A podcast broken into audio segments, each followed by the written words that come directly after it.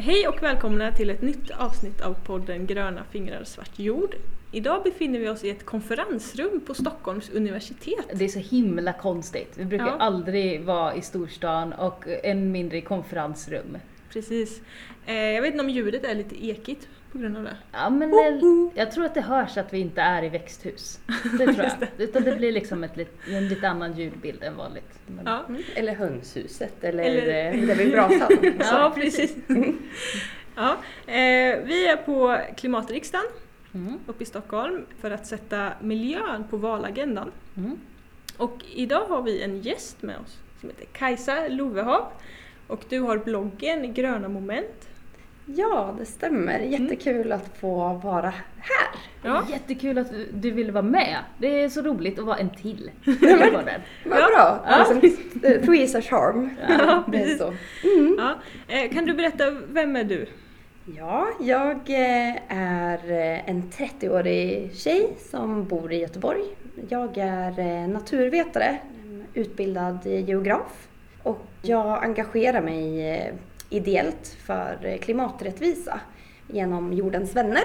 Mm. Men och sen, eh, som, ja, som du sa Mimmi, så, så skriver jag också en blogg som heter ja, Gröna moment då. Så det är väl lite, lite kort om mig. Ja. ja. Hur kommer det sig att du är engagerad i Jordens vänner och i miljö och klimat överhuvudtaget?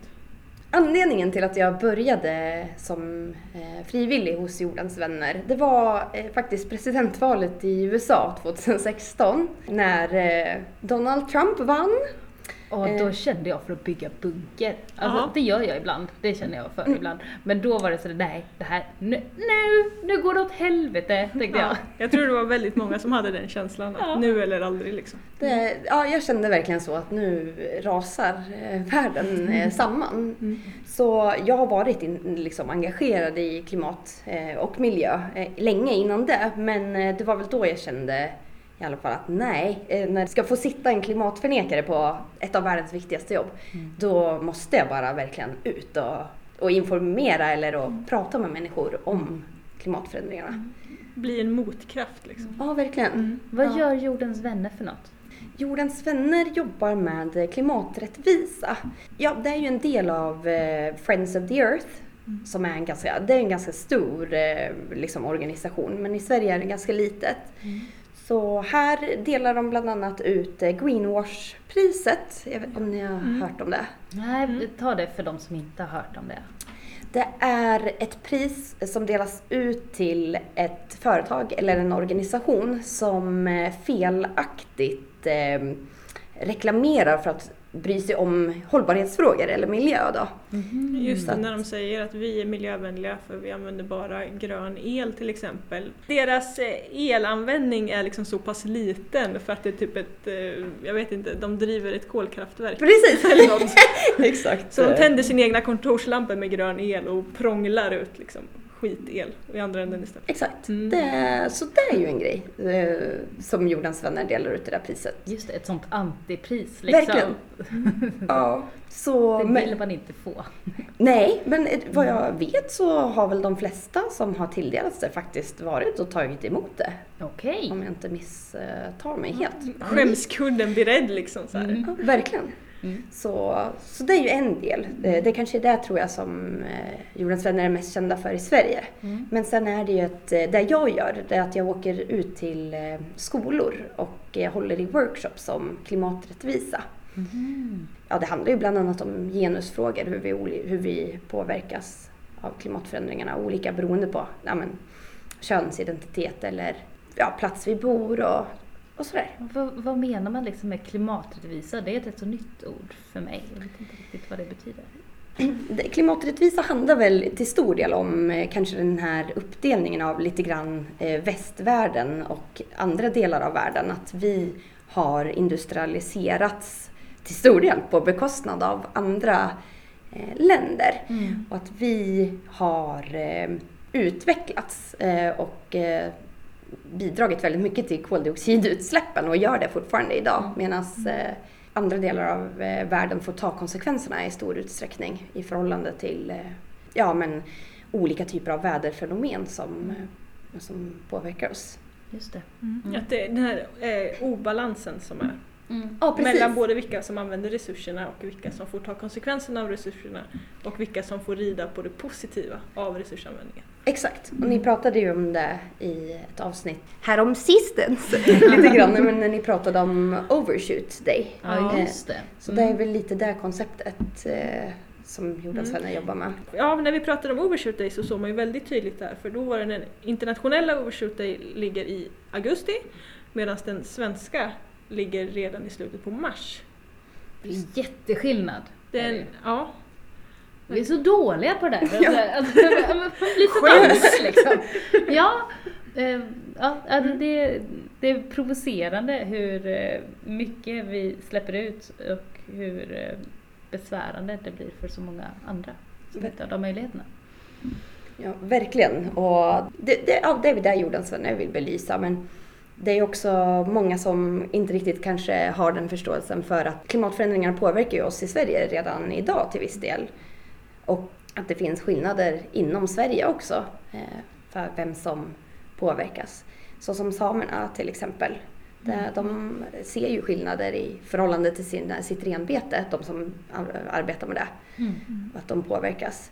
Och det är sådana saker som, ja, som kan vara kanske intressant på liksom, nationell nivå då, Mm. att prata om. Mm. Ja, viktigt arbete. Spännande. Ja, de är bra. Ja.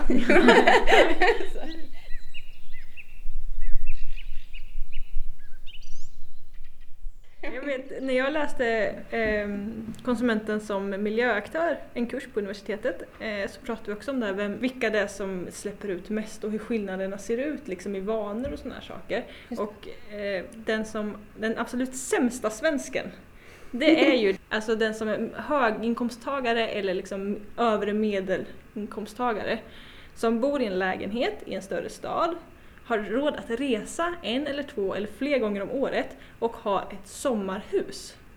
Just. Dessutom. Mm. De, de är liksom de absolut värsta. De släpper ut liksom typ 12 ton koldioxid om året. Mm. Medan medelsvensken ligger liksom på två tredjedelar av det och de som... Äh, vårat snitt låg ju på, mitt låg ju på knappt fyra och du var ju nere på nästan tre. Ja, jag fick pressa upp mig till tre. Mm. Ändå, alltså, jag bor på landet och kör bil Mm. men ändå så ligger jag way down under de där jävla borgarna. Ja, nej men verkligen. Mm. Ja, jag vet inte, jag kommer faktiskt inte ihåg exakt vad jag ligger på men eh, det såg rätt bra ut ett tag. Men sen har jag en sambo som eh, drar ner eh, mitt Man får, snitt inte, man får inte räkna med männen för de drar alltid Ja. upp det. Ja, precis. Det är en man. Ja, för, för mig är det då tvärtom faktiskt.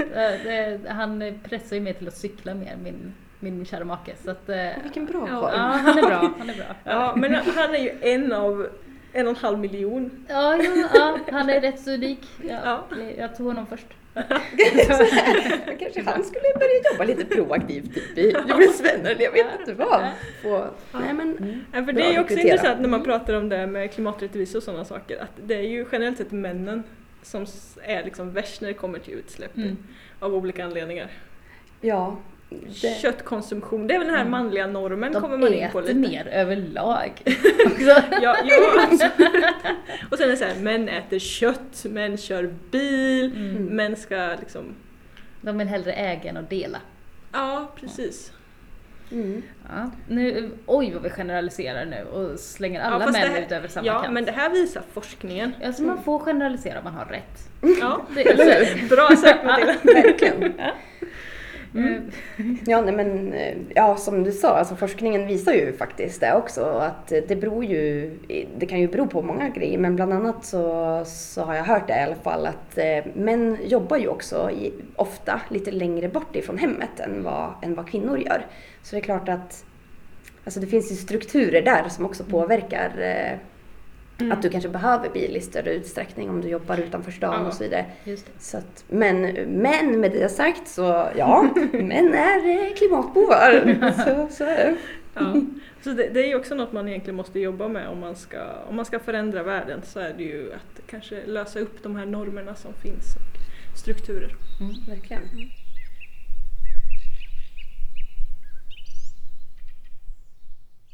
Apropå det, nu har vi pratat massa om, om män. Mm. Ja, visst var det kvinnor vi skulle prata om? Ja, Var det inte det? egentligen.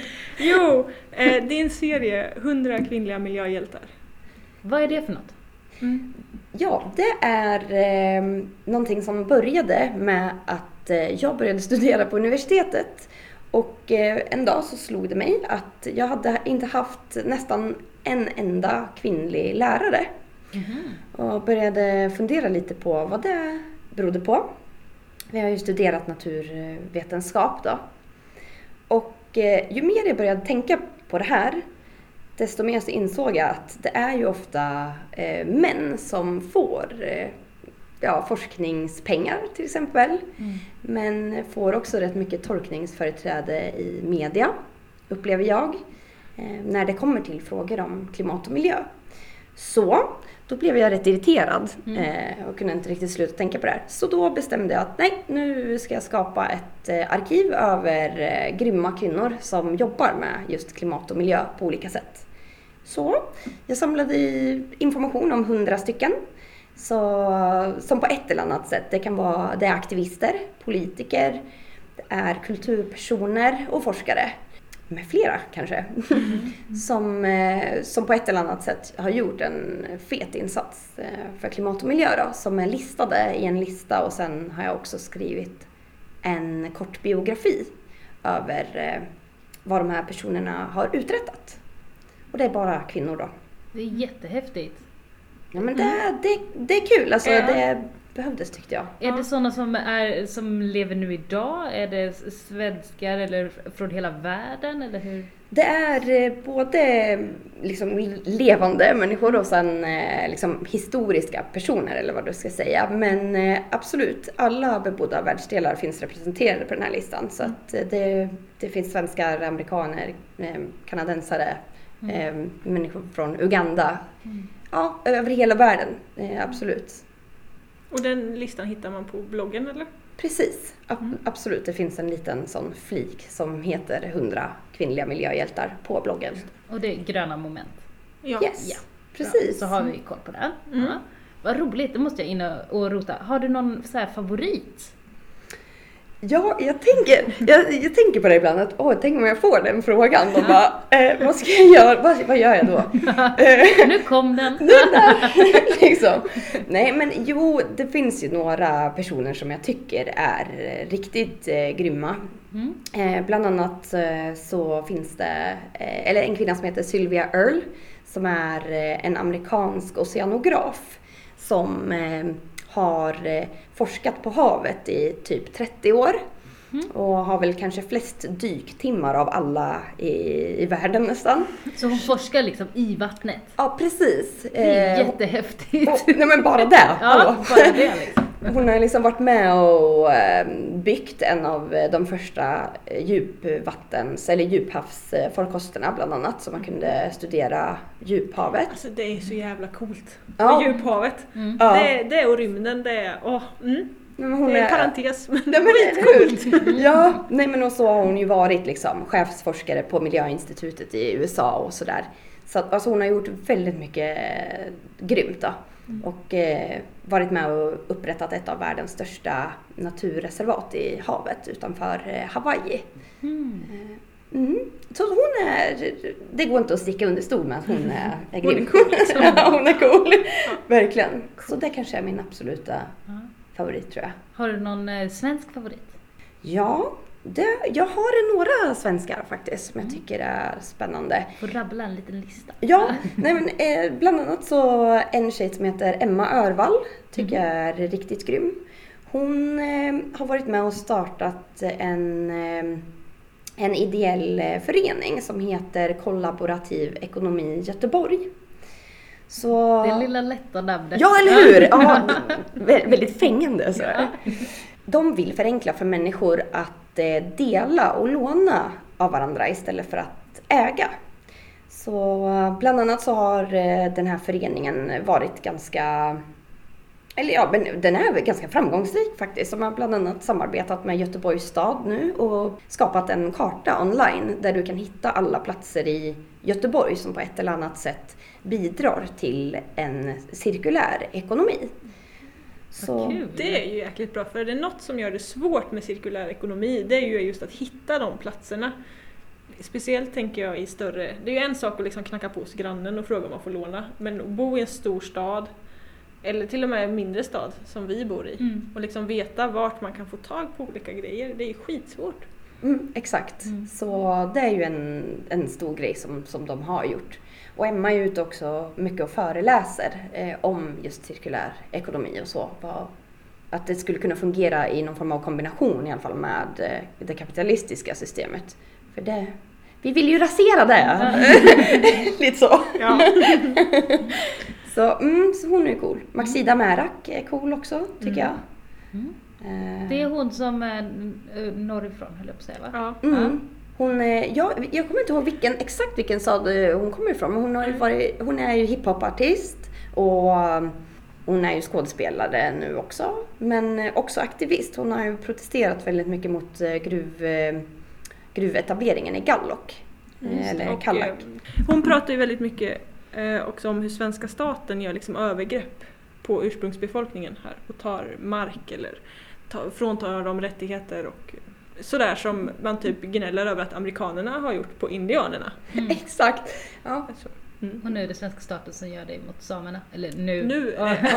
ja, Ja. genom historien. Genom historien ja. Ja, ja. Vi är just inte det. bättre här liksom. Nej. Absolut, och det tycker jag är ett av de grymmaste eh, grejerna hon gör. Och det är ju ofta ursprungsbefolkningar, eller människor som tillhör ursprungsbefolkningar, som liksom har stått på någonstans i fronten nästan av, av miljörörelsen många gånger. Liksom, Mm. Och eh, just eh, arbetat mot just kolonialisering Mm. eh, eller liksom överutnyttjande av naturresurser. Så att eh, absolut, det är ett väldigt viktigt bidrag. Mm.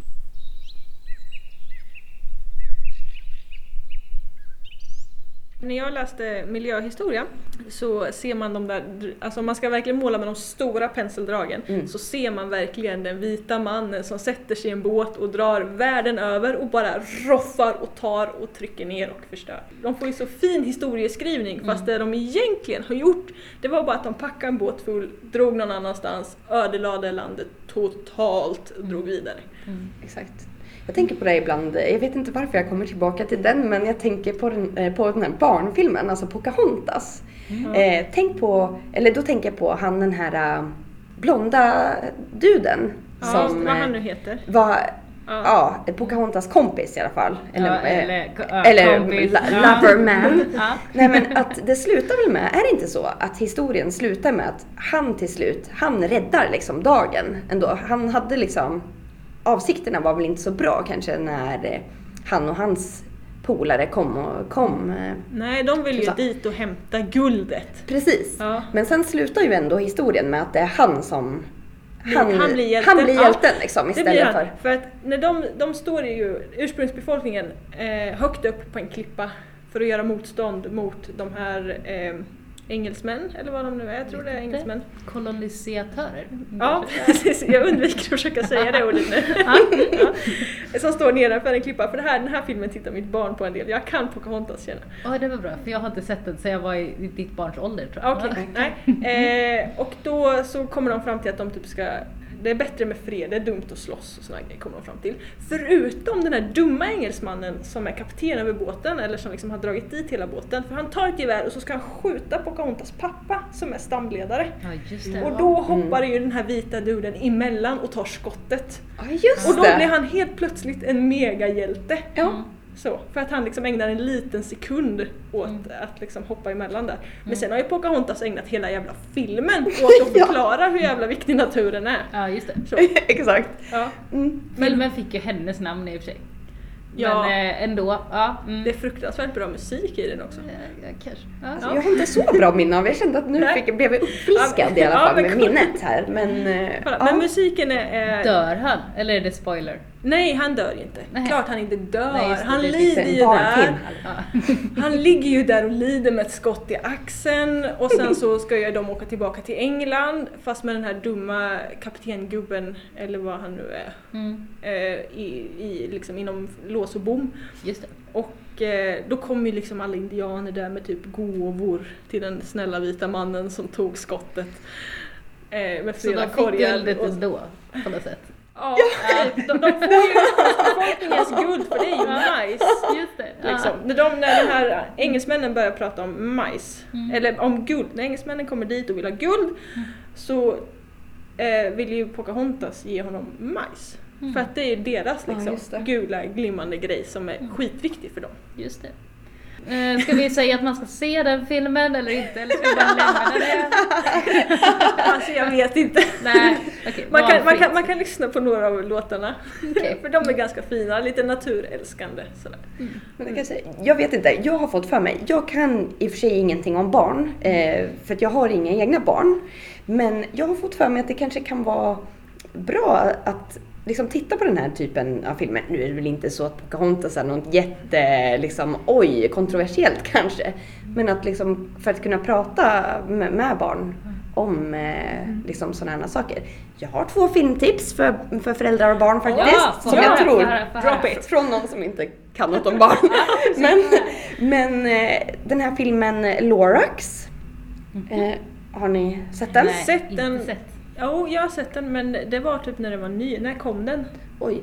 Det är Det, det är ju en stund sedan. Jag kommer faktiskt inte ihåg riktigt när den kom, men det handlar ju i alla fall om en liten, en väldigt liten skogsfigur som eh, liksom, han eh, talar för eh, å trädens vägnar när folk vill hugga ner alla träd Mhm. i, i den där liksom, fantasivärlden då.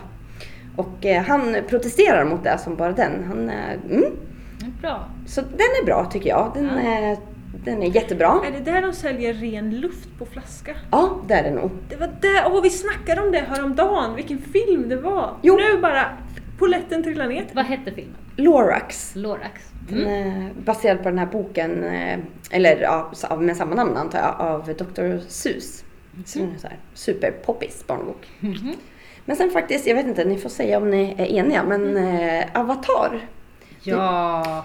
Den är ju för lite äldre Mm. liksom barn kanske, eller ju. Men, eh, men den tycker jag är bra. Eh, regissören tänkte väl på, jag tror den, han kommer från Nya Zeeland tror jag. Mm. Han kom på idén till den här spelfilmen för att det var något stort företag som hade lust att ja, Ah. riva ner hela skogen, någon skog där han bodde och så tror jag. Just det. Ja men den är bra när man har lite äldre barn. Ja, Precis, ungdom, så här, ungdomar typ. Ja det är 15-årsgräns eller något på den va? Vet. 11 tror jag. 11 va? Okej, ja, jag har inte sett den sedan den kom och det är ju också ett tag. Var, Undrar om man tycker den är lika flashig nu som man tyckte då? Ja, den var ju cool alltså. För då var, Alltså, det var ju när tycker det. 3D-glasögonen kom. Ja, ja precis! Första filmen jag såg med 3D tror jag. Ja, Mm, jag har inte sett den i 3D, det kanske är ännu coolare. ja. Ja. Mm. Jag såg den ganska nyligen i alla fall. Den är fortfarande bra kan jag intyga. Vad Ja, bra. ska man säga. Filmkväll. Alltså, när jag var liten eh, så tittade jag extremt mycket på film och TV. Det var liksom min bästa kompis. Då var det en film som jag kollade på som jag tror påverkat mig jättemycket och den hette typ Ferngully, Ferngully, något sånt där. Oj, det var okänt. Jätte, Mm. Ja, det är ingen, jag tror Ingen inte den, annan som- Nej men det, jag har inte hittat den efter det.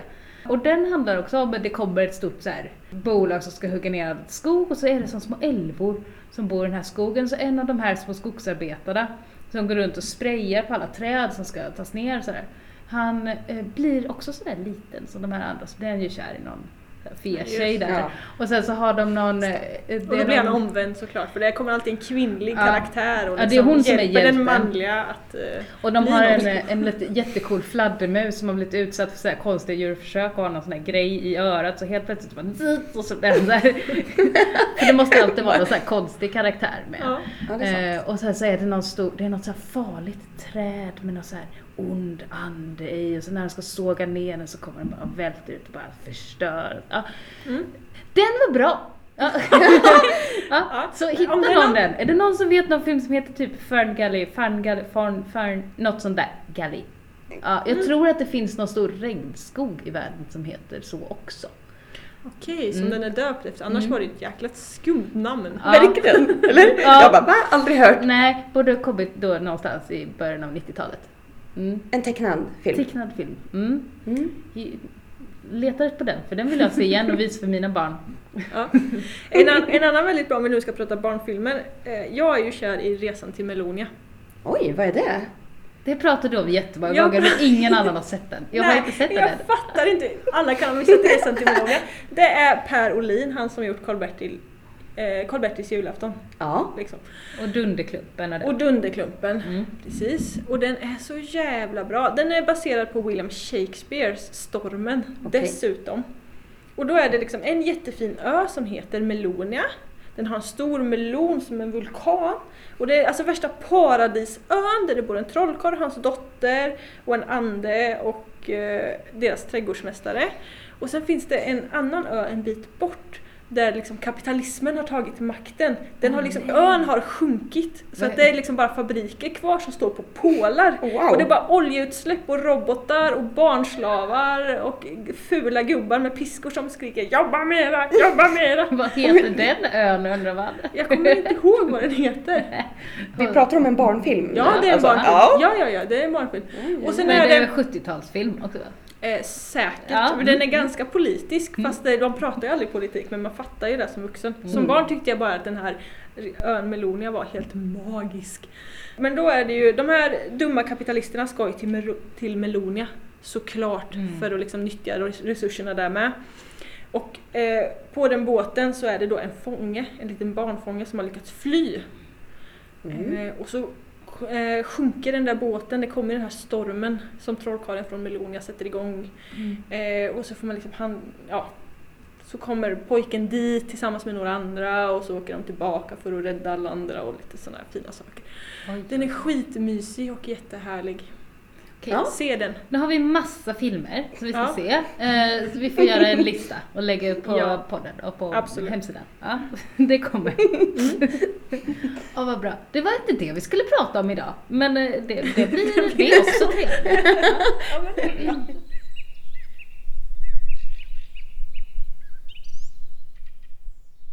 Nu, du har läst naturvetenskap och du är engagerad i Jordens vänner. Men vad var liksom den tändande gnistan för dig? Varför läste du naturvetenskap? Varför läste du inte samhällsvetenskap eller matematik eller civilingenjör eller något sånt där? För det måste ju varit innan Trump.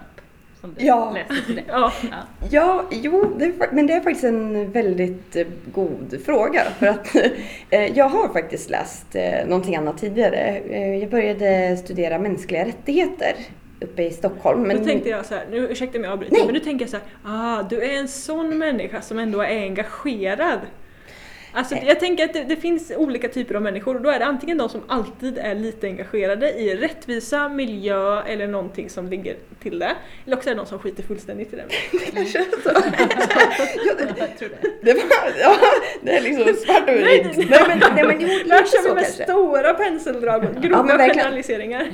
Nej men jo, alltså vad ska jag säga, det tog ganska lång tid. Alltså jag hann bli vuxen innan jag hittade liksom en riktning för mitt engagemang. Men redan alltså, när jag var barn så liksom, jag har alltid älskat djur och natur till exempel. Jag, min mamma sa det när, när jag gifte mig i hennes eh, tal på bröllopet. Hon bara, ja, när du var åtta år liksom, så skrev du rätt mycket brev till eh, Världsnaturfonden och undrade varför de inte liksom, jobbade hårdare för att rädda korallreven Åh, vad i, i världen. Liksom.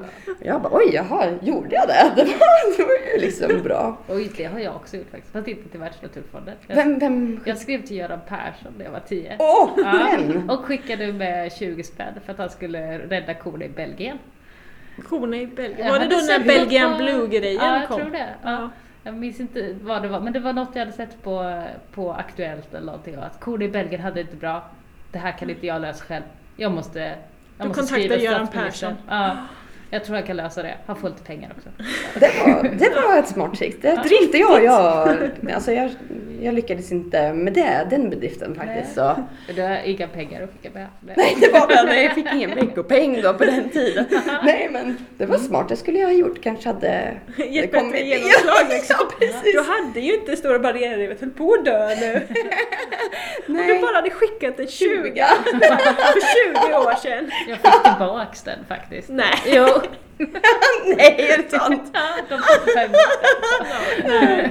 Åh. Men eh, sorgligt ändå. Ja. Alltså jag tänkte som barn fattar man ju inte att de inte får ta emot. Så. Nej men jag fick vara med i tidningen, det var ju trevligt. Åh, ja men där, ja. Ja, ju dagen räddad. Ja. Men alltså, och så fick du 20 kronor ändå Ja, precis. på något vis. Ja, Ja. mm. ja men så det är bra. Ja, undrar om barn fortfarande skriver brev eller om man skriver mail nu. Oj, ja, Jag det vet får inte. ni berätta ja, för mig. Jag vet inte hur Vet det är. inte. Nej, de är, våra barn är för små. Ja, min trycker bara på alla, alla figurer hela tiden. om De skickar emojis Ja. till statsministern. Men det gör ju Så typ vuxna helt- också nu för tiden. Det är det enda va? Ja. Ja, Okej, nu vi kommer ifrån ämnet igen. Du var det? du var i alla fall i vuxen ålder. Jo, ja just det. Jo, nej men eh, jag var ju i vuxen ålder. Det, faktiskt eh, så måste jag väl säga att det kom eh, väldigt eh, mycket när jag började studera egentligen. Som sagt, jag hade studerat eh, mänskliga rättigheter och känt att det är liksom inte riktigt det eh, jag liksom vill jobba med, även om jag eh, liksom bryr mig om sådana frågor. Men eh, så tog jag lite paus från, från allt i några år och sen så kände jag bara nej, jag vill liksom inte, det låter lite fel kanske, men jag vill liksom inte jobba med människor på det här viset utan jag vill jobba med miljö. Och efter då att jag började studera, det var väl då egentligen som jag tänkte att nu, nej nu, det är nu det händer. Mm. Nu måste jag liksom verkligen börja get out there och enga, engagera mig lite. För jag har liksom alltid genom eh, hela mitt liv egentligen varit kanske, alltså varit idel, ideellt engagerad i någonting. Men det var väl då som jag bara kände att nej nu, nu ska, vill jag börja skriva den här bloggen bland annat. Och det kom kanske lite grann av faktiskt att eh, jag kände så här att jag, innan jag började studera så hade inte jag riktigt kopplat, det var många så här stora sammanhang som inte jag riktigt hade kopplat ihop. Och jag bara ja, kände väl att jag fick liksom mer insikt och då tänkte jag så här att det är väl säkert, det är säkert inte bara jag som känner så. Att eh, det är liksom svårt att se en lite större, liksom större bild då. Vad, när vi tänker på klimat och miljöfrågor. Så då började jag blogga och tänkte att nu, nu ska jag berätta. Nu ska alla veta hur det ligger till. Det är bra. Bra, bra ingång i det hela. Mm. Mm. Men det tror jag många kan känna igen sig i också. Att just få helhetsgreppet, det kom nog för mig också när jag började studera. Och man såg liksom helt andra sammanhang och kunde dra helt andra slutsatser. Precis. Och liksom förstå att, att problemen i världen, alltså svälten är ju ett problem till exempel, men svälten beror ju på någonting. Exakt. Och då måste man ner och liksom orsaka, eller rätta till det som orsakar svälten istället för att bara försöka få bort svälten. Precis. Alltså matpaket hjälper ju inte Mm. om det ändå blir total torka. Exakt. Mm. Liksom det som eh, eh, folk felaktigt tycker jag eh, kallar liksom flyktingproblematiken i Sverige och så här. Det är ju högst kopplat till klimat. Mm, Liksom, och kommer kommer bli bli. det i framtiden ännu starkare. Precis. Vi är ju ex- så extremt skyddade här uppe. Från, även om vi märker av klimatförändringar som vi pratade om tidigare Mm. så är vi extremt skyddade av klimatförändringarna. Verkligen. Jag lyssnade på Klotet där de pratade om potatisförädling i Peru för att deras klimat har ju gått helt åt fanders eh, när det kommer till eh, att slå ut skördar och sådana här saker. Det är ingenting som stämmer där längre. Mm. Och det är de här länderna, däribland Peru och andra liksom, runt ekvatorn, de kommer ju inte kunna bo där hur länge som helst. Mm. Nej, Utan de kommer ju behöva förflytta sig till liksom, annan mark där det går att odla. Mm. Typ hos oss. Mm. exakt. Det, det är väl Det så. är lite fler än vad det nu var. Hur många, vad var det? Flyktingströmmen kommer jag inte ens ihåg hur många det var. Nej, det Men, var eh, många. Mm. Ja, men det kommer bli jävligt många fler. Ja, precis. Det finns plats. Det finns plats, Ja. absolut. Ja. Det är lugnt. Ja. Det, det är lugnt, ja. Mm. Absolut. Men ändå kan det ju vara bra att och liksom bry sig om klimatförändringar Ja, som... precis. Bättre att de eh, kan bo kvar. Ja, Så. precis. Det är bättre att hejda klimatförändringarna nu Ja. än att alla ska bo hos oss. Ja. Ja, jo. Alla får ju inte plats. Nej. Så, vi kan inte inhysa 9 miljarder människor. Nej. Eller 11 miljarder. Det, det, nu kan bli bra.